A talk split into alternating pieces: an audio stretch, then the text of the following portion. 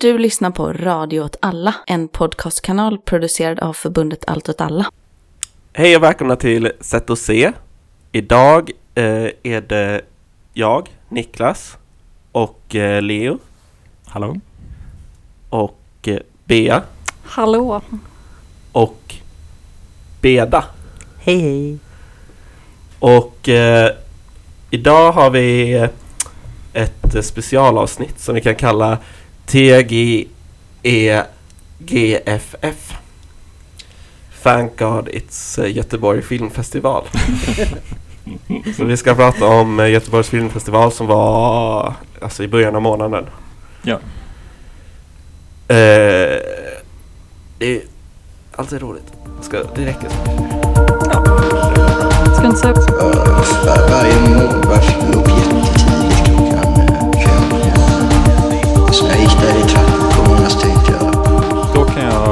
inleda här med en... Eh, det är en ganska lång harang. Jag hoppas ni står ut med den.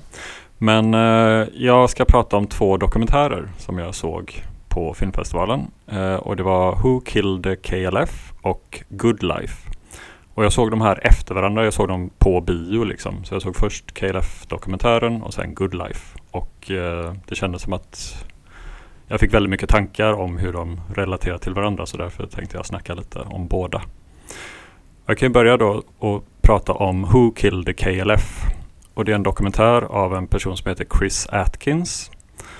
Eh, och KLF eh, var ju då ett band som fanns i slutet på 80-talet, början av 90-talet. Eh, och de har kallats för ett situationistiskt acid house band eller kungarna av kulturell anarki bland annat.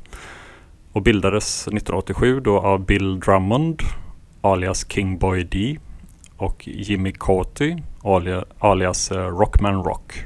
Och de eh, var ju då inspirerade av lite olika filosofier eller man ska säga som diskordianism och Illuminati-triologin och eh, situationism när de skapade det här bandet. Vad är Illuminati-trilogin? Ja, jag ska förklara lite vad de här olika sakerna är.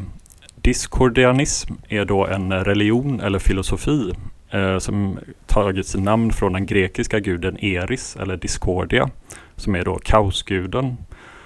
Eh, och eh, det handlar då om att oordning och eh, ordning är bara illusioner som är skapade av eh, universum för att lura vårt nervsystem. Eh, och inget av dem är rätt eller objektivt sant. Och många har sagt att det här är en parodireligion eller så här. Och det uppmuntras väldigt mycket inom den här religionen att skapa skismer och intriger och så. Eh, men eh, det finns en bok som kom på 60-talet som var liksom grunden för den här eh, religionen. Och eh, enligt den så är det här religionen att den har skapats som en dialektisk antites till de stora religionerna. Eftersom de stora religionerna baseras på att det finns en ordning i universum. Och istället så vill den här religionen då balansera upp samhällets strikta ordning Ehm, genom att eh, kaos ses som den starkare underliggande kraften i universum. Och dialektiskt kan jag förklara lite att det är då att man når fram genom, till ett svar genom en slags dialog, så här tes, antites, syntes. Då. Ehm, så det var lite om diskordianism. Ehm, och sen den här Illuminati-triologin. Eh, det var några böcker som kom ut på 70-talet som var skrivna av två personer som heter Robert Shea och Robert Anton Wilson. Och de var två författare och skribenter som träffades när de båda skrev för Playboy där på 70-talet. Och eh, de var väldigt inspirerade av just diskordianismen eh, och skrev då den här boken eller trilogin som eh, har beskrivits som en slags saga för paranoida. Så, ja. Ehm, och sen var det KLF också inspirerad av situationismen. Eh, och det har just kommit ut ett avsnitt av Apans anatomi som går igenom vad situationism är lite mer. Men det var en revolutionär konströrelse på 50 till 70-talet som skapade situationer eller spektakel med syfte att avslöja kapitalismens spektakel. Så. I Köpen, ett exempel är ju i Köpenhamn så sågade de av den lilla havefrues eh, huvud och rullade ut det på ett köpcenter. Ja, sådana små roliga konstattacker kan man göra till exempel. Eh, Men då KLF eh, ville bygga en myt kring bandet. De var inte så intresserade av musik och sånt egentligen utan de var mer intresserade av liksom, myter som finns kring band och eh, så här, ja, musikband, grupper och så. Eh, och de ville skapa så anarkistiska situationistiska manifestationer och de gjorde det genom så här graffiti, adbusting och genom att ta ut 80 musikjournalister och klä upp dem i så här eh, gula munkkåpor och ta med dem på en hednisk rit på midsommar. De eldade upp en så här gigantisk wickerman eller så här rottingman ute på en ö. Bland annat.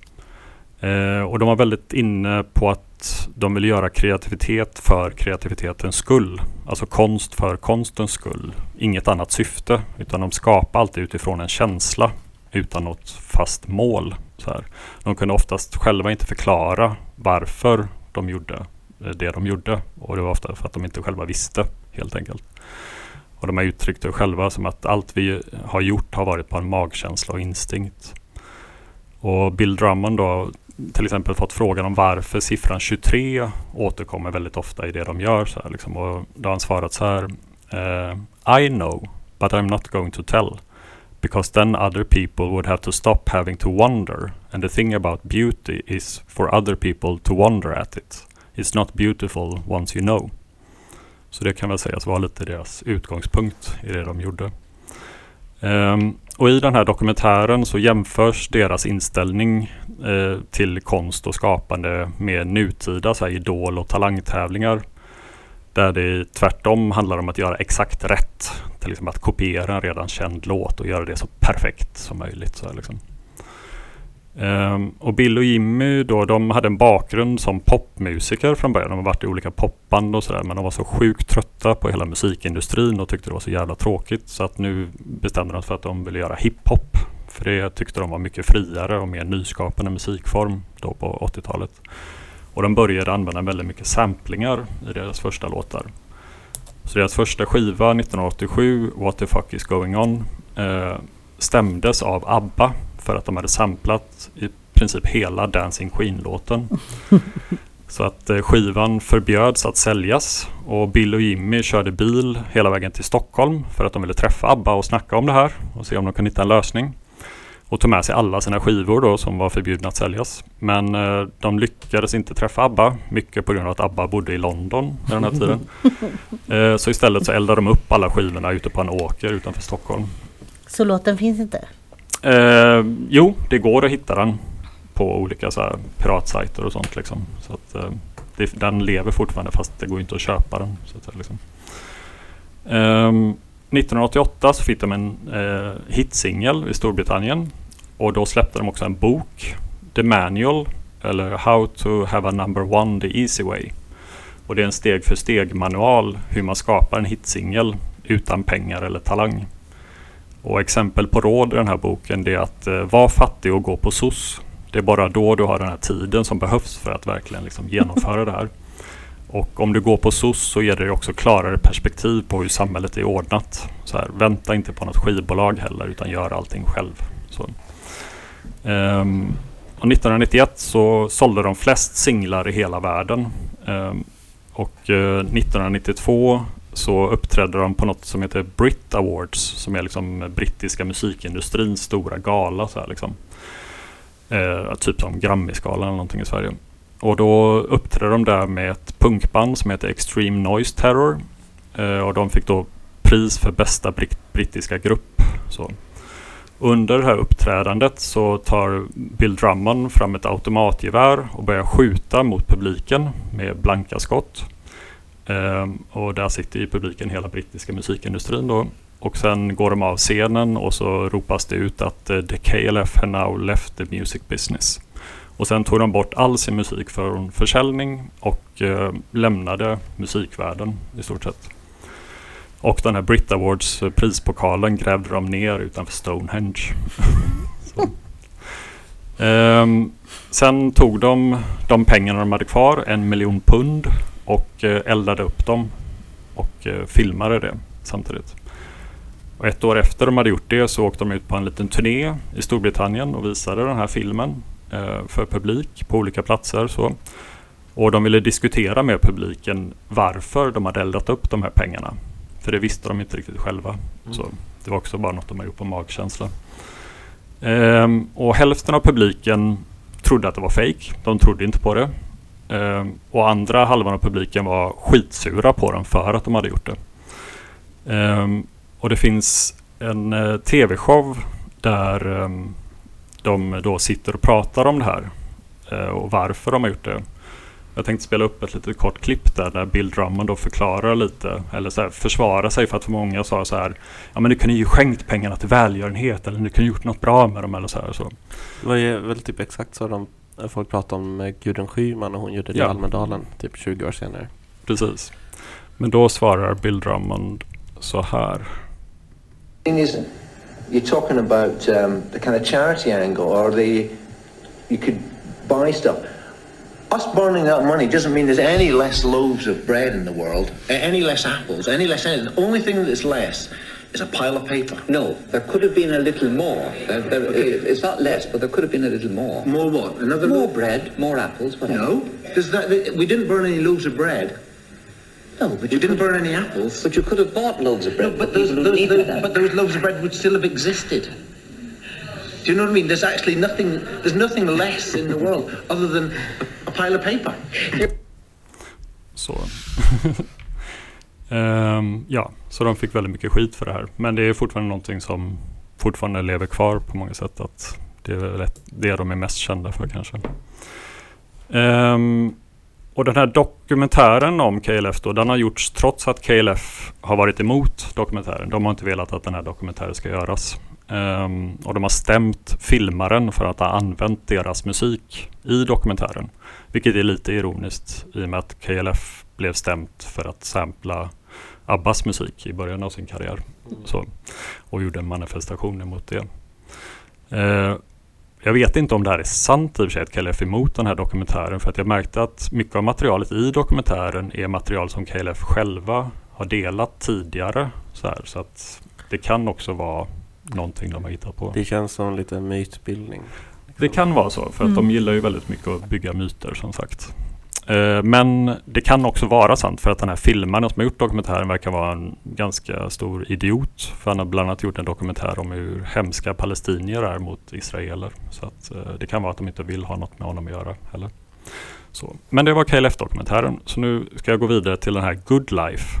Som är då en dokumentär gjord av eh, två regissörer som heter Marta Dauliute och Victoria Sialyte. Jag tror inte jag uttalar det helt rätt, men något sånt.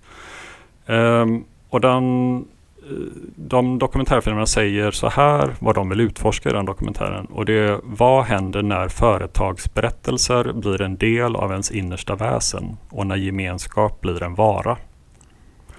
Och det är en dokumentär om något som kallas co-living space. Och speci- ett speciellt co-living space som heter K9. Och det är då typ ett slags kollektiv som ägs av ett företag som heter Tech Farm.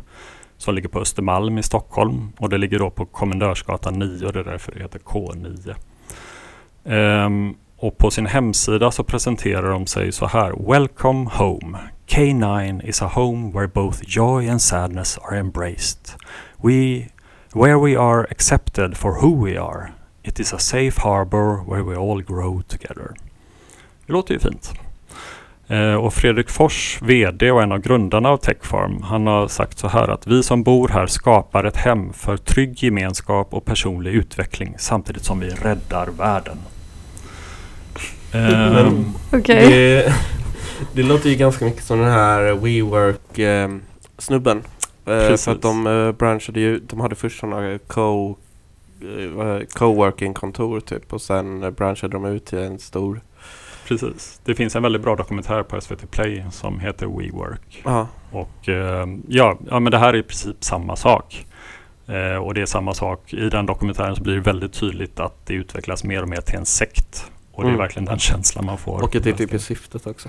Ja, lite grann så liksom. Ehm, jag ska återkomma till det alldeles strax här, men, det, men de, i den här dokumentären så pratar de här entreprenörerna som bor i det här kollektivet om att de är en rörelse med ett mål och att målet är frihet. Och de är någon slags zen-kapitalister som har meditationsrum där de ska sitta och uppnå balans och harmoni. Och det här målet ska då uppnås genom att betala svinmycket pengar för att bo i en kista mer eller mindre. Priserna ligger på typ mellan 6 000 och 14 000 för att bo på typ 6 kvadratmeter. Det är så här sjukt små jävla utrymmen som de pressar in folk i. Eh, och det är tre våningar av det här som det bor 50 pers på. Och det är bara fullt av så här varggrinande jappis som är så här nyandliga och mediterar och söker balans för sig. Eh, massa killar och tjejer i skjortor och välskött hår som säger cool, cool, cool och ägnar all sin vakna tid åt att skapa olika appar. Så. Och det är väldigt mycket så här Silicon Valley-känsla, alltså den här tv-serien Silicon Valley. Om bara massa företag som pratar om hur deras företag och affärsidéer ska rädda världen. Men egentligen så gör de bara skit av allting. En app som presenteras i den här dokumentären som några har tagit fram som bor i det här kollektivet det heter Selfie Job. Och det är att jobbsökande ska lägga upp en selfie eller en video med sitt CV och sen kan arbetsköparen swipa vänster eller höger. Så det är alltså Tinder fast för jobb. En riktig jävla mardröm. Um, så att den, alla de här entreprenörernas frihet betalas liksom av att det finns en massa desperata människor som vill jobba för skitlöner eller måste jobba för skitlöner utan trygghet, sjuklön eller pension. Och det sägs liksom aldrig rakt ut i dokumentären och det är en av filmens ganska många brister tycker jag. Eh, och det pratas liksom aldrig om vad som är kärnan i allt det här och det är ju pengar liksom, vad allting kostar. För att alla som bor där måste ju ha svinmycket pengar till att börja med liksom, för att ha råd att vara där. Men ämnet vidrörs en gång när filmarna själva får en fråga av några som bor där om inte filmarna skulle vilja bo på det här stället. Och då svarar filmarna att de skulle inte ha råd att bo där. Liksom. Um, och det är som sagt väldigt likt den här WeWork-dokumentären. Uh, och det, WeWork var ju då det här företaget i USA som var lett av en väldigt så här, karismatisk entreprenör som var mer eller mindre en sektledare. Uh, och det var ett helt ohållbart affärskoncept egentligen. Liksom att, genom att en charmig ledare lurar till sig abnorma summor investeringspengar och för något som visar sig vara ett luftslott och sen bara faller ihop. Och det, är lite, det, det har kommit rätt många dokumentärer och sånt som uppmärksammat olika så här blåsningar och skandaler. Som den här blodtestningsskandalen som det har gjorts och Fire Festival och så här. Och det är liksom bara fake it till you make it som affärsmodell mer eller mindre. Eh, och det är väldigt märkligt att ha WeWork som någon slags förebild när man ser det till det här. Och till och med i den här dokumentären så besöker de WeWork i Berlin för att se hur de jobbar där. För att där lever WeWork fortfarande kvar lite grann. Um, och det blir liksom bara väldigt uppenbart att det, ja, att det är ju så inom kapitalismen att alla företag överlever genom att sälja väldigt vackert förpackad skit till folk. Och det är den här konstanta känslan man har i kapitalismen att bara bli blåst hela tiden. Um, och det vad ska man säga, att en ägare i dokumentären han argumenterar för att de ägnar sig åt marxism. För att de tar makten över sitt arbete och sin arbetskraft. Och det är hans egen individuella innovationsförmåga som är hans kapital. Och det, det är liksom det här att de försöker hela tiden förklä kapitalismens själlösa essens eh, som är så konkurrens, avhumanisering, att allt och alla blir varor och bara kall jävla vinstmaximering som enda ledstjärna genom att framställa det som dess motsats och använda termer hämtade från så new age och vänstern så med kollektiv, samarbete, balans, harmoni, jämlikhet, frihet. Och KLF skapade ju myter eh, för att kunna ägna sig åt kreativitet för kreativitetens skull. Liksom så här. Och som ett motstånd mot den här genomkommersialiserade musikindustrin och dess ständiga jakt på vinst och att allting låter likadant. Och de här co-living-entreprenörer gör ju raka motsatsen. Att de vill skapa en fasad av jämlikhet och harmoni och kollektivitet för att dölja det här kallsinta, kallsinta exploaterandet av människor. Och där all kreativitet är liksom underställd vinstmaximeringens hårda järnlag istället. Och Det är intressant att de säger sig ofta vara ett teknikföretag, det här Techfarm som äger det här stället till exempel, och en plattform för kreatörer. Men egentligen så är de ju bara hyresvärdar som har hittat ett sätt att kräma ut maximalt mycket pengar ur sina hyresgäster. Och den här hyresvärden Techfarm kan ju till exempel också vräka dig om du inte utstrålar tillräckligt mycket no bad vibes. ja, Ehm, och de här regissörerna som har gjort den här dokumentären, de har också tidigare gjort en dokumentär om polska arbetskraftsmigranter som heter Second Class. Ehm, och de här migranterna jobbar inom skogsbruket i Sverige. Och det är en helt fruktansvärd dokumentär. eh, för att de här migranterna vill inte bli filmade. Men de filmas ändå hela tiden av de här regissörerna. Som väldigt uppenbarligen ser ner på de här arbetarna. Och försöker forcera fram att det ska vara synd om de här arbetarna. Och arbetarna motsätter sig naturligtvis det här och blir förbannade på dem. Eh, men i den här dokumentären så är det tvärtom. Där känns det mer som att regissörerna fjäskar för alla de här entreprenörerna. Liksom det ställs inga kritiska frågor, det är inga konfronterande situationer. Och det är väl tänkt att det ska vara lite så här observerande och att tittaren själv ska förstå liksom vad som är fel med allt det här. Men det blir bara väldigt lamt och intetsägande. Eh, och nästan en sorts reklamfilm för en massa sjuka appar istället. Ehm, Men det, är- ja, det är en ganska dystopisk framtid som man får känslan av liksom, ligger i, i med den här dokumentären. Och med en massa mediterande kapitalister som spenderar dagarna inkilade i små kistor. Bråkande som vem som inte har gjort disken samtidigt som fler och fler får jobba som livegna daglönare. Och vi får bara högre och högre hyror, högre matpriser, lägre och lägre löner. Och en känsla som jag fick när jag kollade på den här dokumentären var att vore det inte bättre med slaveri egentligen? En slav får ju både mat och husrum. Och gratis boende och gratis mat låter ju rätt bra. Och jag menar inte att vi ska gå tillbaka till slaveriet. Men bara att så som arbetsmarknaden mer och mer ser ut så verkar ju till och med slaveriet ha sina fördelar. Då får man i alla fall vara på dåligt humör. Precis. Man får i alla fall vara förbannad på sin slavdrivare. Eh, om de förändringar som går igenom nu när det gäller LAS som sossarna, Svenskt Näringsliv och några så kallade fackföreningar vill ha så kommer det bli ännu enklare för arbetsköpare att sparka arbetare. Men, eh, men nu finns det i alla fall en kampanj som heter Rädda LAS. Och den 19 mars ordnas det en protestdag över hela landet. Så gå in och kolla Rädda LAS på sociala medier eller räddalas.nu på hemsidan. Ja, det var min lilla snack, snackis. Ja, men jag Ja. tänkte på det här, eller vill du säga? Nej men kör du först. Nej men jag tänkte på det här, eller jag tänkte på det innan men att det är så intressant eh, ämne det här med ehm, att eh, alltså så här hela vårt typ, hela vårt liksom samhälle avpolitiseras hela tiden och typ eh, så här eh, föreningslivet håller på att dö ut men att liksom en massa företag approprierar den här typ politiska instinkten eller liksom törsten efter typ politisk eh, och, eh, och kollektivt handlande liksom. Mm. Eh, Mm, gemenskap. ja, de försöker det är ju lite, jag läste klart Samling för ett tag sedan av Hart och Negri. De pratar ju ganska mycket om det här att typ, alltså det är lite som det den här killen sa, eh, att det liksom hela tiden handlar om att typ eh, eh, vi liksom, alltså det är i typ mötet och i gemenskapen som vi skapar värde så kapitalet försöker hela tiden eh, vad heter det, in eh, inrama liksom det, Sno, inhägnad eller? ja, inhägna det är liksom kollektivt skapade värdet. Precis. Ja. Jo men det är precis att det är liksom Man vet att det är man i kapitalismen så att det inte finns något lockande så man försöker förklä det med de här vackra liksom orden som folk egentligen vill ha. Så. ja men att liksom, det, liksom kapitalismens typ ideologi blir liksom förs- alltså är för svag på något sätt. Mm. På grund av liksom nyliberalismens eh, fram, framgångar.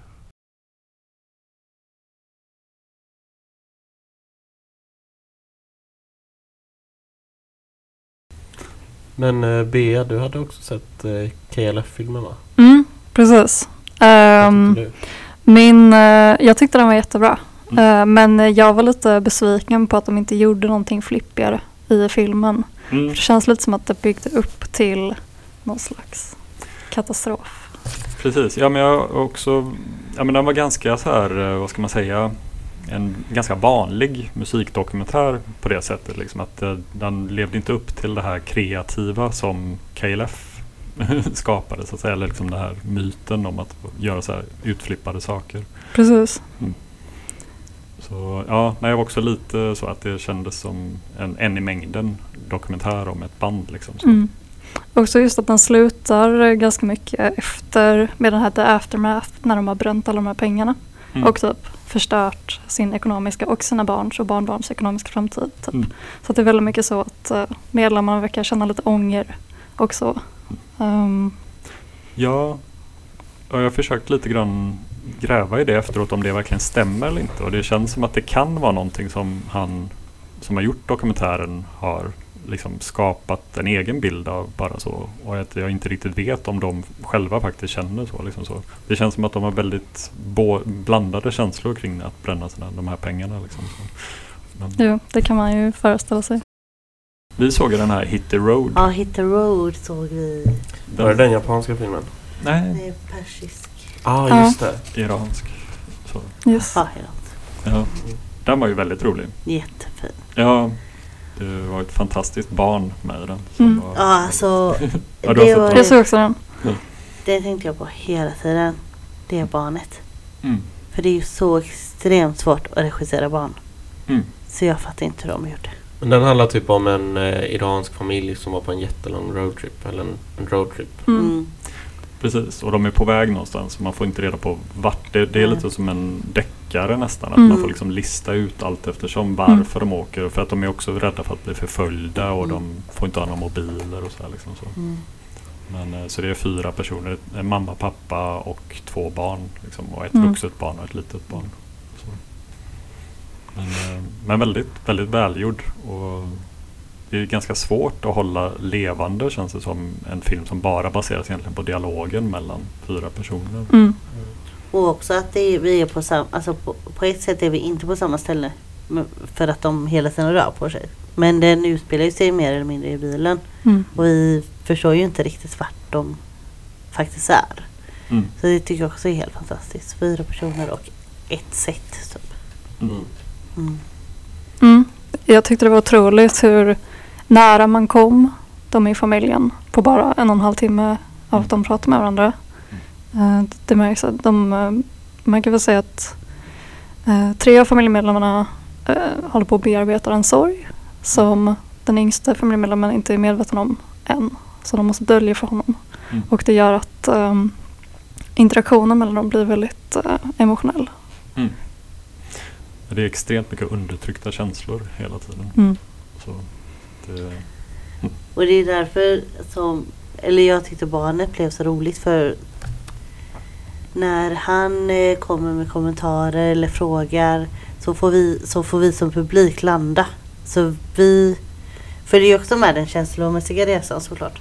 Men vi får också landa i de här mellanspelen som det här barnet har. Och det var också skönt för annars hade det nog blivit väldigt mycket overload av känslor ja, ja, barnen är verkligen så här comic relief Mm. rakt igenom. Verkligen.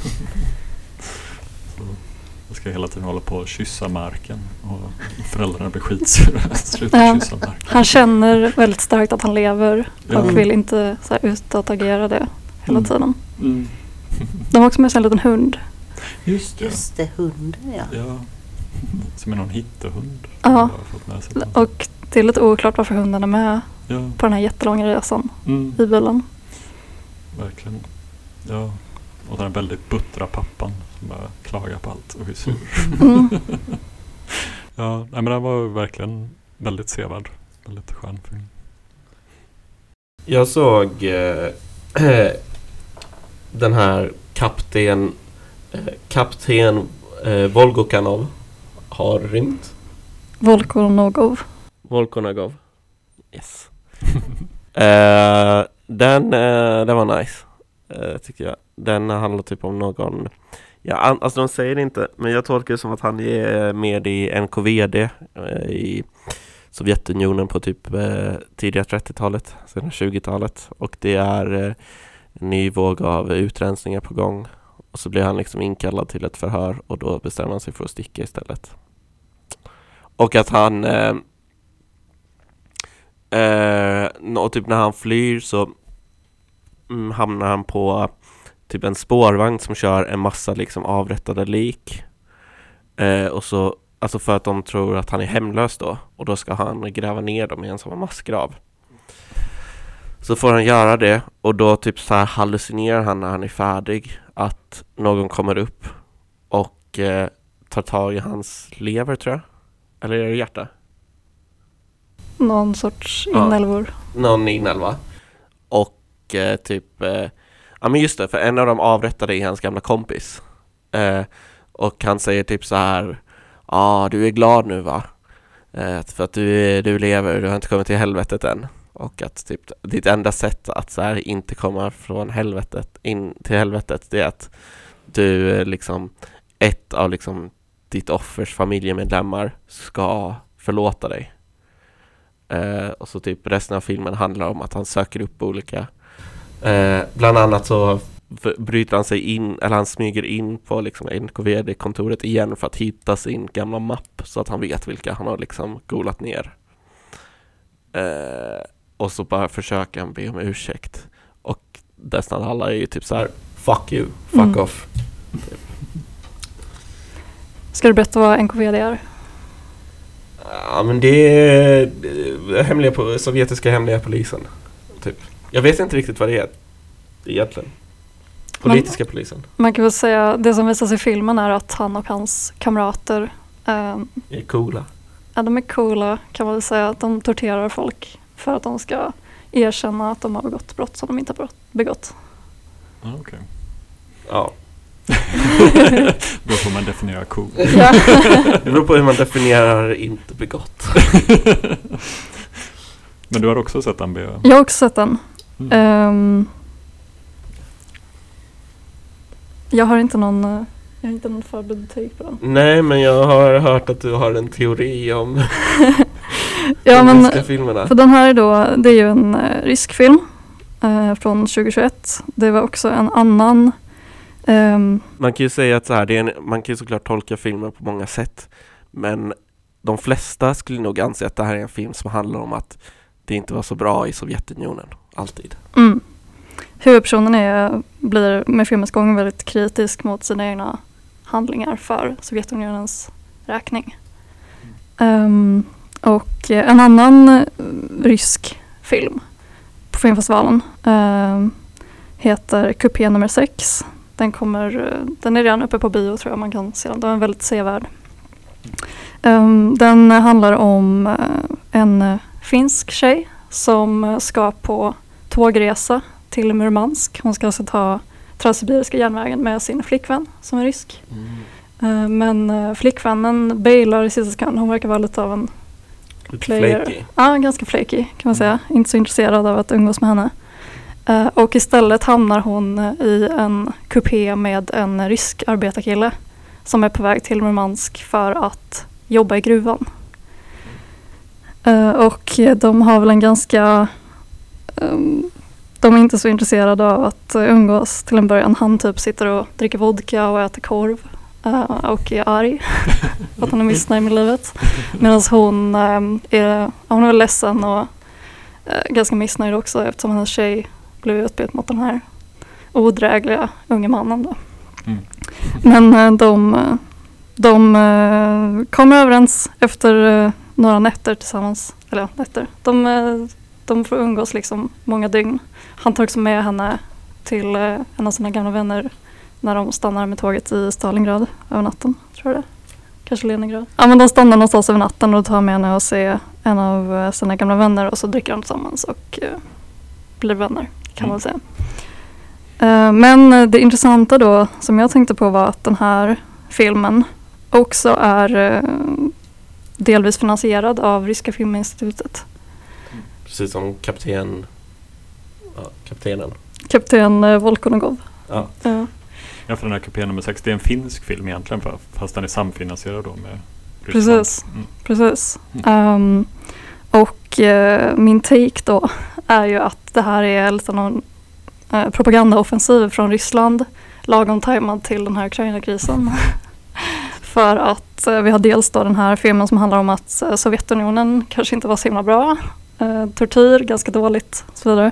Och eh, kopia nummer sex som ändå skildrar eh, ett lesbiskt förhållande på ett helt okej sätt. Den, den andra lesbiska tjejen är inte så schysst typ. Det, men eh, ändå på ett så här normalt Mm. västsätt kan man väl säga.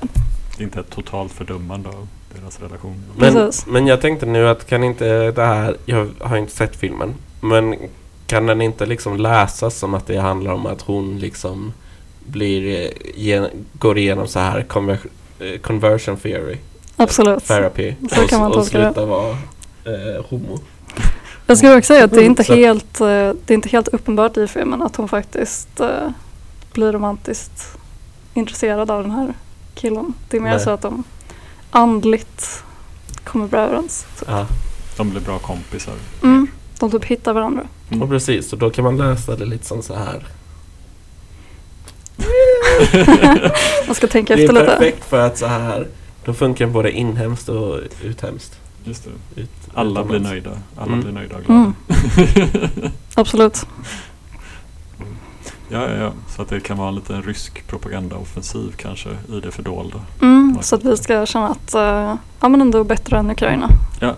De, de är på väg Ja. eh, åt vårt håll.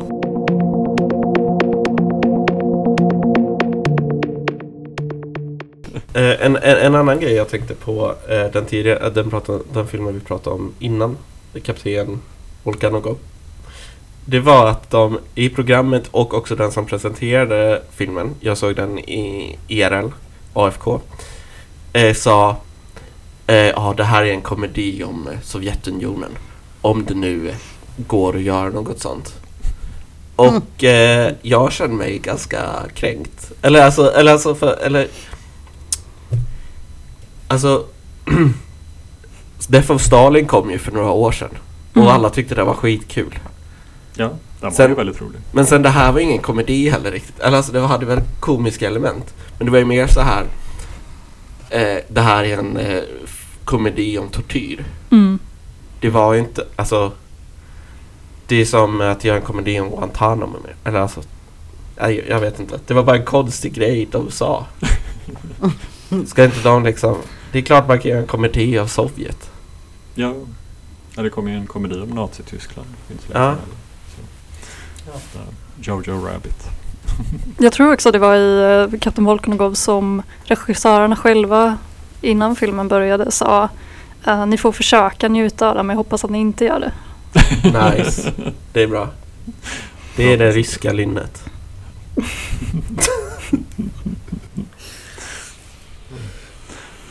Har du någon film du tänker på, Beda? Ehm, nej, eller jag, jag tycker ju om att kolla på kortfilmerna. Mm. Eh, och framförallt, eller ja egentligen alla kortfilmspaket. Men det är väldigt kul att kolla på Startsladden. Eh, som, som är Göteborgs filmfestivals eh, kortfilmstävling. Eh, jag tror faktiskt det är Sveriges största kortfilmstävling. Och ehm, eh, så Starsladden är ju Den gick ju online i år. Det var också bra för det, det är alltid den som går Som biljetterna tar slut först. För det, många har ju eh, ögonen på dessa regissörer. Och jag tycker ju i och för sig Starsladden har Jag ska inte säga förstört kortfilm i Sverige. Men i och med att de har det här att det ska vara under 15 och det är så många regler så är, så är det mycket kortfilm som görs här i Sverige är ju 15 minuter. För alla vill kvala in till Starsladden. Det är ju liksom. Mm. Det har blivit Eh. en standard. Ja det har blivit en stand. Och vilket är tråkigt för jag tänker också att många gånger så skulle en film kanske kunna vara längre. Mm. Ehm, och så kände jag väl kanske med några nu. Men det behöver vi inte fokusera på. Utan den som jag tänkte, som jag tyckte var väldigt eh, Alltså intressant och kreativ. Det var en film som heter Pitch. Mhm. Har ni läst om den? Ja, men var det den vi såg tillsammans? Ja, också? om eh, gig-ekonomi. Just det. Eh, har ni sett den? Nej. Nej. För det, för det är ju då eh, två filmskapare eh, som eh, skapar eh, reklamfilmer. och försöker sälja in då till bolag som jobbar med gig, eh, Gigföretag. ja, gigföretag. Och eh, det som var kul var att de här reklamfilmerna belyser ju egentligen orättvisa i, ja, men i gigföretag och, och hur em, svårt det är egentligen att eh, bara försörja sig på den typen av arbete. Men också att man är då underbetald. Eh, men ingen av bolagen förstod ju det. Kommer du ihåg? Ja, det var ju ett bolag som tyckte att det här är skitbra. Det här kör vi på. Det här är perfekt. Sen var det ett bolag som var lite sådär att ja men det här det kanske är lite problematiskt att visa så liksom så. Men det, det var ändå så här, ja men det, det ja, gör lite små ändringar så ska det nog gå liksom så. Och sen var det väl Svenskt Näringsliv, nej Timbro var det en Ja. visa också för. Ja. Och hon tyckte bara det var skitbra. Ja. Och det var ju så kul då att se de här reaktionerna. För jag tänkte ju, och det var ju så vi reagerade också, att eh, företagen skulle om en förstå, alltså reflektera lite över vad det är de egentligen säljer in. Och när, man, när det blir så tydligt så, så blev jag så här att man inte får en tankeställare. Eller att det blir så här, ja men det här är ju jätte... För det, det var ju verkligen, alltså de här reklamfilmerna då som de visar upp var ju jättesnygga. Mm. De var ju helt fantastiskt gjorda. Ja, det såg ut som reklamfilmer. Ja, det såg ut som reklamfilmer. Och jag tror att det var så här, om det var det de fokuserade på, men de bara helt totalt missar att eh, de här två grabbarna, de kunde ju inte bli tydligare. Nej, man kan beskriva reklamfilmen lite att det var ju det var en den första så ser man en mamma som sitter med sina barn och barnen håller på och mamman eh, får inte tid att göra någonting och så tar hon upp sin app och så beställer hon och så kommer det en kille in genom dörren och så står det typ en skylt så här med civilingenjör eller någonting och så står det så här prislapp typ 100 kronor i timmen eller något sånt där Mm. liksom. Mm. Och så sitter han där och passar barnen och hjälper med läxan och allt medan mamman ligger på soffan och tar ett glas vin eller någonting. Och, så. och sen är det någon annan, den andra var att det var en liten pojke som sitter och ska göra sin läxa och ska städa sitt rum eller någonting. Och så kommer mamman in och skäller på honom, städar ditt rum. Och så tar han också upp sin app och beställer. Och så kommer samma så här civilingenjör in och så här städar hans rum och hjälper honom med läxan. Och så här liksom så. Och smyger ut. Ja, precis. Och gömmer sig i garderoben när mamman kommer. Och, så och så. så att, eh, men det, det jag tänkte är att de, de, de var ju kritiska reklamfilmerna på ett sätt. Men de var ju ändå ganska snälla i sin kritik. Så här, liksom, att det, det, det kändes som att det skulle, det skulle mycket väl kunna vara en reklamfilm för ett gigföretag. Liksom, så. Och det sa ju ett av gigföretagen, sa ju det, han sa ju bara ja men det här är svinbra. vi skulle kunna köra ännu mer så här, liksom, att så här, liksom, det är svinbilligt och så här, liksom, att det, ja, så, här, så att det, Ja, för det, för det var väl det som, jag, som vi pratade om sen också, att vi inte riktigt förstod, eller att man kanske förstod kritiken som filmskaparna hade. Men att man blev ju lite ambivalent själv. För att eh, deras kritik, om det nu var då kritik, blev inte så himla tydlig sen efter eh, företagens reaktioner. För de fick ju inte heller så mycket frågor sen, eller det kanske fanns mer än vad vi såg. Men de gick ju inte så hårt på. Och det kanske inte var meningen. Men eh, där blev jag lite fundersam ja, över vad det var de ville lyfta egentligen. Det låter ju som att problemet var att det var fel person som jobbade med gigjobbet snarare än själva gigformatet. Ja, ja lite så att eh, ja, ja precis. Man hade kunnat lyfta andra värre sidor av hela gig-ekonomin liksom, så här, liksom, och ha med det mer så här, liksom, och göra det ännu mer provocerande liksom, tydligt att det är fel på något sätt. Liksom, så. Mm. Det kändes som att de, de körde lite någon slags mellanväg här. Som, ja, det, var, det var en intressant idé men det hade kunnat göra, dras några snäpp till liksom, för att bli ännu roligare. Men är det också, är, är det inte heller att, eller är det inte också att det typ finns en föreställning om att det är bättre när saker är tve, lite tvetydigt typ? Eller? Eller det så att det kan vara så, alltså från film, alltså eh, från konstnärligt perspektiv. Det är mer konstnärligt om det är lite tvetydigt. Mm, definitivt. Ja, jag tror det. Jag tror också att, eller jag tänker att man inte behöver ta så mycket ansvar också. Mm. Alltså i den tvetydigheten så behöver man inte försvara sig åt det ena eller andra hållet. Så det är ju också, eller tänker jag. Mm. Jag vet inte. Men i- så kan jag känna ibland när jag ser en film där jag tror mig förstå vad, eh, vilken sida man står på. Mm. Men så blir jag ändå osäker. Ja, ja men mycket så känner jag med den här Good Life till exempel. Att den, den var mycket så att den ville bara visa upp någonting och så. Och att man själv ska tänka och förstå liksom så här. Men att det lätt också kan bli att man inte alls fattar och bara ser det som ja men det här är väl inga problem. Så liksom att man som skapare lite grann inte riktigt tar ansvar för det man vill berätta.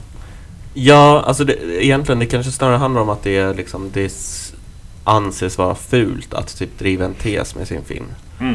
Eh, för att alltså, det kan ju vara väldigt bra med, eh, eller jag är ganska med på det tåget med så här att eh, liksom en, en, en liksom berättare ska typ, men alltså vad heter det, Death of the Author och sånt. Eh, författarens död, alltså så här att man kan läsa en eh, berättelse för sig, för sig själv eller liksom på sina egna villkor.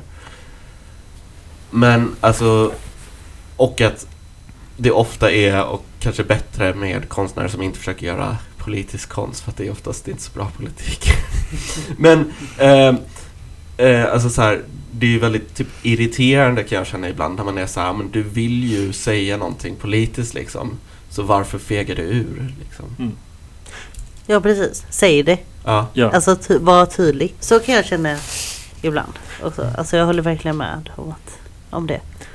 Ja, verkligen. Jo, men det känns som att de, de ville ju vara kritiska, de som gjorde den här pitch till exempel. Bara att de kanske borde satsa in mer i vad som faktiskt är problemen med gigarbete liksom så här, själva. Så att de själva hade liksom en starkare grund att stå på när de gjorde filmen och kunde leverera skarpare kritik. Mm. På något sätt, liksom. så.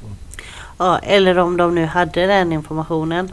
Mm. Att eh, om det handlar om att man inte vet hur man ska lyfta. Eller om det blir också jobbigt. För jag kan tänka mig att i en sån intervjusituation blir jobbigt. Men då kanske testa olika metoder. Mm. För att eh, eh, själva få fram det då. Man vill Mm. säga. Men jag tyckte ändå att den, eh, alltså den funkade ju för en publik. Tänker jag ändå. Och i, och i det korta formatet. Ja.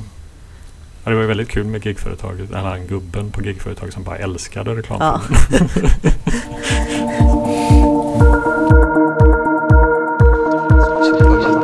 Ja, alltså jag såg totalt eh, tre filmer på festivalen.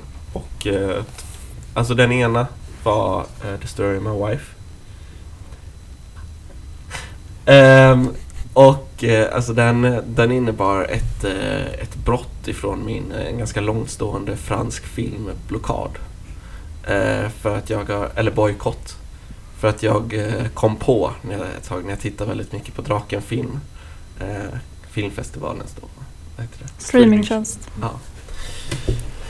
Ehm, att det, jag gillar inte fransk film. Den är fjantig. Jaha, vilken kontroversiell åsikt. Ja, och den står jag för. För att jag kände, den här var två och en halv timme och jag kände, jag borde aldrig ha lämnat eh, bojkotten bakom mig. Jag lurades av hon eh, Lea Seydoux. Ja, Jag tänkte att eh, hon, eh, det skulle vara kul att se hennes film. Den var, den var tramsig. Alltså det var 3 av 5. Det var eh, liksom lite så här. nu får du berätta vad den handlar om. Men det handlar om att det är en så här... Åh, det handlar om att det är en så här lite bohemsk tjej som blir... Eh, som bara trillar på, som är då Lea Seydoux, som bara så här kommer in i eh, ett café samtidigt som den andra karaktären som är en sjökapten precis har sagt nästa tjej som går in i dörren ska jag gifta mig med. Och så gifter de sig. Eh, och så går med på det. Ja. Hon är ju bohem. Ja, ja. Och fransk. Och, eh, och de är så här ah, att han bara ah, jag bryr mig inte om vad du gör när jag är borta ute på havet. Men han gör ju det. och så vidare och så vidare. Eh, alltså jag vet inte, det, det var, det var ju inte, det var, det var okej. Men Den det var var tramsig. Ehm, Vad hände när han var ute på havet? ingenting. Eller alltså hon låg med andra. Ja, ja. Och så blev han ju såklart arg över det igen. Jag funderar på om jag såg den, eller sov den. Sov. Sov. Ja, Sov den. Jag tror, jag, jag tror faktiskt att jag kanske sov den. Ja. Mm. För det låter bekant, men Mm. Ja. Den var inte så spännande då. nej. Eh, nej. Den andra filmen jag såg det var In the Mood for Love. En eh, gammal film av eh, Wan Kar Wai. En klassiker. ja. Två saker. Första gången jag var på Göta. Eh, för att jag har ju en, eh, också en personlig bojkott mot Göta i solidaritet med Bio Roy. Göta alltså, vad kan man säga, eh, SFs, ehm, ja det är alltså, vad heter De- SF de- nu? Film, Filmstaden. Filmstaden. Filmstadens uh, indiefilmsbiograf på Avenyn. Ja, alltså Filmstad som ligger då bredvid Bio Roy. Mm. Och de har ju då klagat ganska mycket på att Bio Roy går för bra. Och de säljer för billiga biljetter så att de liksom konkurrerar med eh, Filmstaden då. Att de får så här kommunalt bidrag eller stöd. Eller Ja, för att ibland så visar de sådana, alltså storfilmer. Mm. Stora men kvalitetsfilmer. Mm. Och så då startar de en biograf bredvid. Och eh, ja, Göta var mycket sämre. Det var typ en liten skärm. Jag blev ganska besviken för jag var ganska taggad på att se den här otroligt vackra filmen Mm. på eh, duk. Mm. Men det var Mm. typ, eh, alltså det var typ som att se den hemma. Mm. Eh. Man ska aldrig lämna soffan. Nej. Är det någon mer som har eh, någon film de vill prata om? Jag tänkte vi kunde lite så hedersnämna en film som heter Bad Luck Banging or Looney Porn. Ehm, den lilla texten i eh, filmfestivalens häfte säger Hemmaporr på villovägar skapar kaos för stram lärarinna i unikt organiserad komedi. Och det är väl en ganska bra beskrivning. Ehm, Ja. Det handlar som, som det står om en uh, hemmaporrsfilm som på lite oklart sätt hamnar på internet. Ehm, och den här lärarinnan som är huvudpersonen i filmen, hennes uh, mellanstadieklass, deras, de, barnens föräldrar får tag i den här Mm. ehm, och kallar till ett möte. Ja, ett slags kvartssamtal med den här lärarinnan. Ja, det blir så total moralpanik och hon tvingas löpa gatlopp och utstå en massa okvädningsord. Men den, det jag tyckte var roligast med den var att den var så flippad för att den hade massa konstiga liksom, inspel av så här, ja, jag vet inte vad, massa flummiga bilder som bara dyker upp från ingenstans. Och, ja, den var väldigt rolig på det sättet. Liksom så. Att den här Mm. historien var liksom inte den, den var ju också intressant i sig, liksom, men det var inte det som gjorde filmen väldigt, väldigt bra som jag tyckte den var. Precis. Var, var den fransk? Nej, det, jag kan tänka mig att jag tycker den låter fransk. Ehm, den var också lite fånig på vissa sätt, men den var romansk. Ah, Mm. för Ja, jag, jag tror att jag såg trailern och så fick jag för mig att den var fransk och så tänkte jag. Eh, den är väldigt romansk. Eller jag hade inte så bra koll på Rumänien men nu när, efter jag sett den här så känner jag att jag har en ganska stark känsla av Rumänien. Och Mm. det är för att precis som det står så är den unikt organiserad. Mm. Det är nämligen, den är ungefär en och en halv timme lång och den är uppdelad i tre kortfilmer kan man säga som är ganska olika. Den börjar som, eh, ja vad ska man säga, vill- väldigt filmfestivalen så börjar den med en typ 10 minuter lång öppningsscen så då är den här porrfilmen Mm. eh, ur ett, ehm, vad heter en sån här kamera som man har på huvudet? GoPro. Ja, ur ett GoPro-perspektiv. Ni Mm. kan ju tänka er, här, se inte den här med era föräldrar. Nej, det är väldigt explicita. otroligt explicit. Mm. Ehm, men, och sen så, Väldigt mycket så här, gå på Hagabion och se blå är den varmaste färgen. ja, ja precis fast värre Ja. nästan. Jo, jo. Det är ju verkligen, man ser allt. Mm. Ehm, och sen så är det då paniken som uppstår när, uh, när lärarinnan inser att eh, hennes eh, elever och deras föräldrar har sett filmen. Och eh, så blir hon, hon får stava träff med rektorn för det här mötet med föräldrarna. Och sen så bryter det.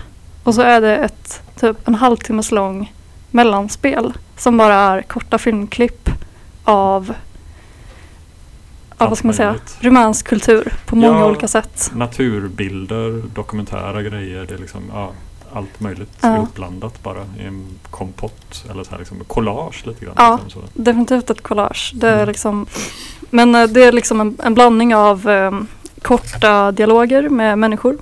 Eh, bara att de har filmat reklam väldigt mycket i staden de är i.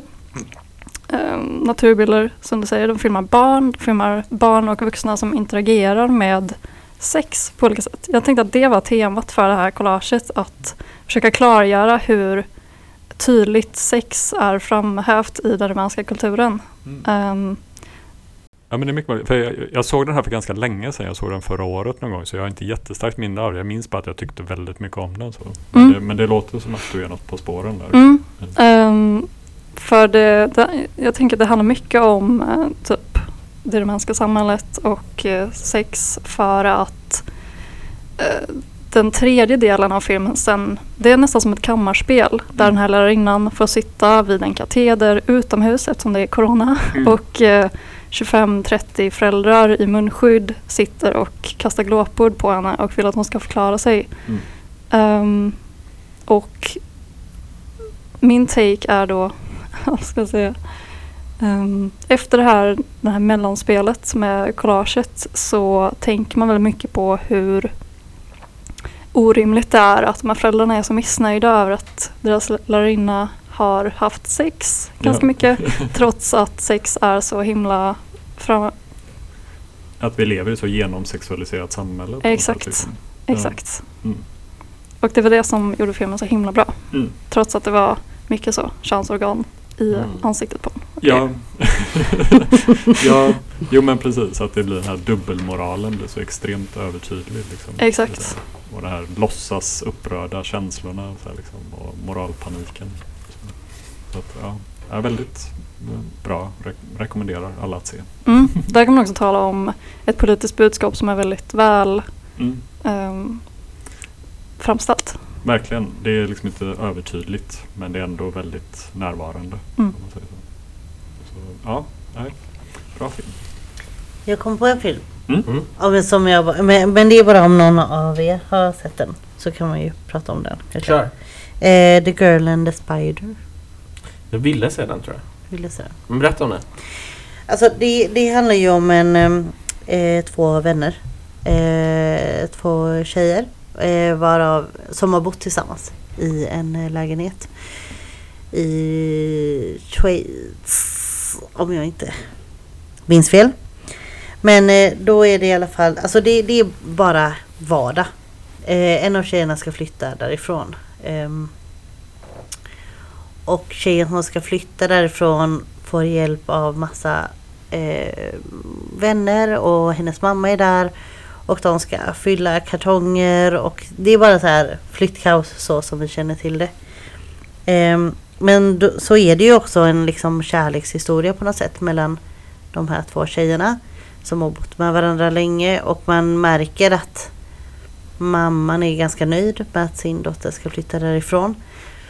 Så egentligen handlar filmen inte om så mycket. Men det som jag tyckte var väldigt kul var dialogen. För det kändes som att dialogen var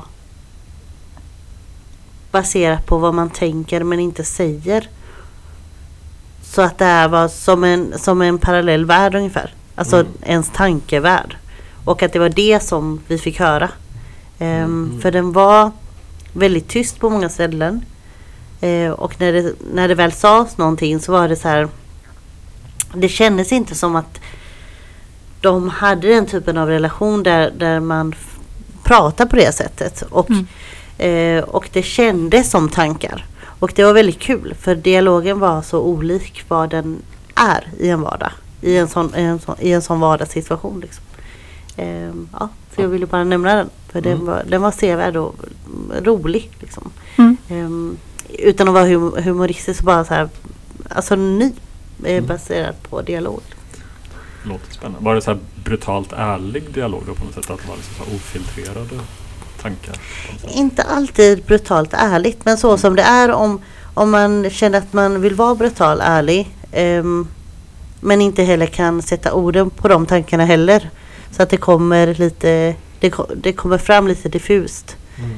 Ehm, Men ändå inte eh, redigerat liksom. Mm. Alltså, jag vet inte hur jag ska säga. Mm. Men eh, det, det kändes som en... För, för den jag kollade med tyckte inte alls om den och var så här. Det händer ju ingenting. Och för, för det gjorde ju inte det. Men, men ehm, alltså dramat eh, mellan alla var ändå intressant. Mm. Schysst. Det låter intressant. Mm. Jag tänkte att vi skulle avrunda lite Mm. eh, med eh, att Ja men jag bara säga, prata om vad vi tyckte om festivalen i allmänhet. Liksom. Eh, för jag eh, personligen, jag var in, alltså jag kollade inte på förra som var helt digital. Eh, men, eh, och jag gick bara på biografer IRL här. Så, alltså det jag tänkte på mest var att det var ganska få visningar. Eh, IRL och det var liksom svårt att jag hade i alla fall väldigt svårt att komma och se på filmer. Det var rätt trist. Faktiskt. Mm. Har ni några, det är vissa av er som har lyckats se riktigt många. Eller alla känns Jag har bara kollat ehm, online i år också, precis som förra året. Eh, och det var inte ett, ehm, vad ska man säga, estetiskt val utan bara att det var jättemycket billigare. Jag tror att de har höjt biljettpriserna, eller så har jag blivit fattigare sen för två år sedan. Det är också mycket möjligt. Men eh, det var så mycket billigare för så mycket film så det blev så. Ehm, men ärligt talat så tycker jag det känns lite som att de har typ urholkat festivalkonceptet genom att göra det online. För att det är så himla det är ju i princip Drakenfilm fast Mm. tidsbegränsat. Och eh, det känns trist. För att filmfestivalen är så det är så fett att det är på typ alla biografer i hela stan. Liksom, ha kvar det. För fan. Mm. Jag kollade på mindre film än vad jag brukar göra. Ehm, men det var ju för, de, de tog ju in, i och med att de visste att det skulle bli online i år också. Eller ja, mestadels online. Så tog de ju in betydligt färre filmer än, eh, än eh, vad de brukar göra. Mm, nu så har jag ju den stora turen att kunna sitta i en biograf i alla fall. Eh, I en skola. Nämner inte vilken. Men så, så jag såg ju alla, alla filmer på bio. I den biografen. Och ehm, ehm, Men det jag tycker, för jag saknade ju verkligen där att mingla. Eh, Det behöver inte vara med, med filmfolk, men liksom publiken. Ehm, Men det var ju lite sånt eh, i år. Det var, vi gick till Rubinen som är festivalhotellet. Eh, och pratade film. Mm. Så det tyckte jag ändå var eh, kul. För det fanns ju inte alls förra året. Så Mm. det, ja, jag var ändå lite gladare än förra året. Ja, det som jag har liksom gillat med Göteborgs filmfestival innan, så här, innan coronan kom och det blev digitalt allt det här, det är ju att det, det är så extremt stort utbud av filmer och att det är massa så här filmer som man aldrig skulle kunna se annars liksom, som är från alla världens hörn och så här, liksom, att det är oftast där för att mycket, det som har blivit nu är att det är nästan bara storfilmer på ett sätt. Filmer som ändå kommer gå på bio eller tv eller något sånt där som man ändå kommer kunna få se. Liksom, så här. Att det som varit kul innan är att liksom hitta de här udda filmerna som man aldrig skulle få tillgång till annars. Liksom. Så det har ju försvunnit de här två åren. Liksom. Sen tyckte jag det var väldigt skönt förra året när det var, började vara digitalt och jag kunde sitta hemma i soffan och kolla på alla så här filmer. Som, och då var det ändå ganska bra filmer så här, som jag ville se. Liksom. I år kände jag att jag hade svårt att hitta filmer som jag faktiskt ville se eller som jag inte redan hade sett som går att ladda ner eller någonting så här, liksom så. så att Mm. det, jag kände jag hade mindre liksom så här, lust att se filmer i år liksom så här, på något sätt. Så att, det, ja, jag saknar verkligen det här stora breda utbudet. Så här, liksom, man kan hitta de här små pärlorna. Så, liksom. Men, eh, men jag, jag fick ändå se en hel, eller några filmer. Liksom så här. Några riktiga, riktiga bottennapp men några som var rätt riktigt bra också. Så, så att jag kan Men det säga, ingår i festivalen, är bottennappet. verkligen Verkligen. ja, Ja. Jo, det, det finns ju så här klassiska festivalfilmer. Det bara händer inte piss på två timmar och man sitter och bara liksom längtar därifrån. Så liksom, då är det skönt att man kan sitta hemma så man bara kan stänga av det. Så, vi såg en sån film som Ja. vi stängde av i Ja. halva. En bipolar kinesisk film som var fruktansvärd. Mm. Och det var ju roligt för vi visste ju inte vad Leo kände. Men efter ett tag var jag så här. Leo. vad känner du om vi byter film nu? Jag bara ja, snälla. så, men, eh, eh, ja, men några riktigt bra filmer som sagt också. Den här Hit the Road, A Hero, en annan iransk film som också var väldigt bra tycker jag. Red Rocket, också en amerikansk film som var riktigt bra. Så, Mm. så att, ja. Och Bad Luck Banging som sagt, också väldigt bra. Ja, tack. Eh, tack för att ni lyssnade. Eh, tack speciellt till eh, Bea och Beda som eh, var med eh, för första gången. Båda två. Tack själv. Ehm, ni kan eh, stödja oss på Patreon på patreon.com alltatallagbg. Eh, och så ses vi om en månad. Hej då!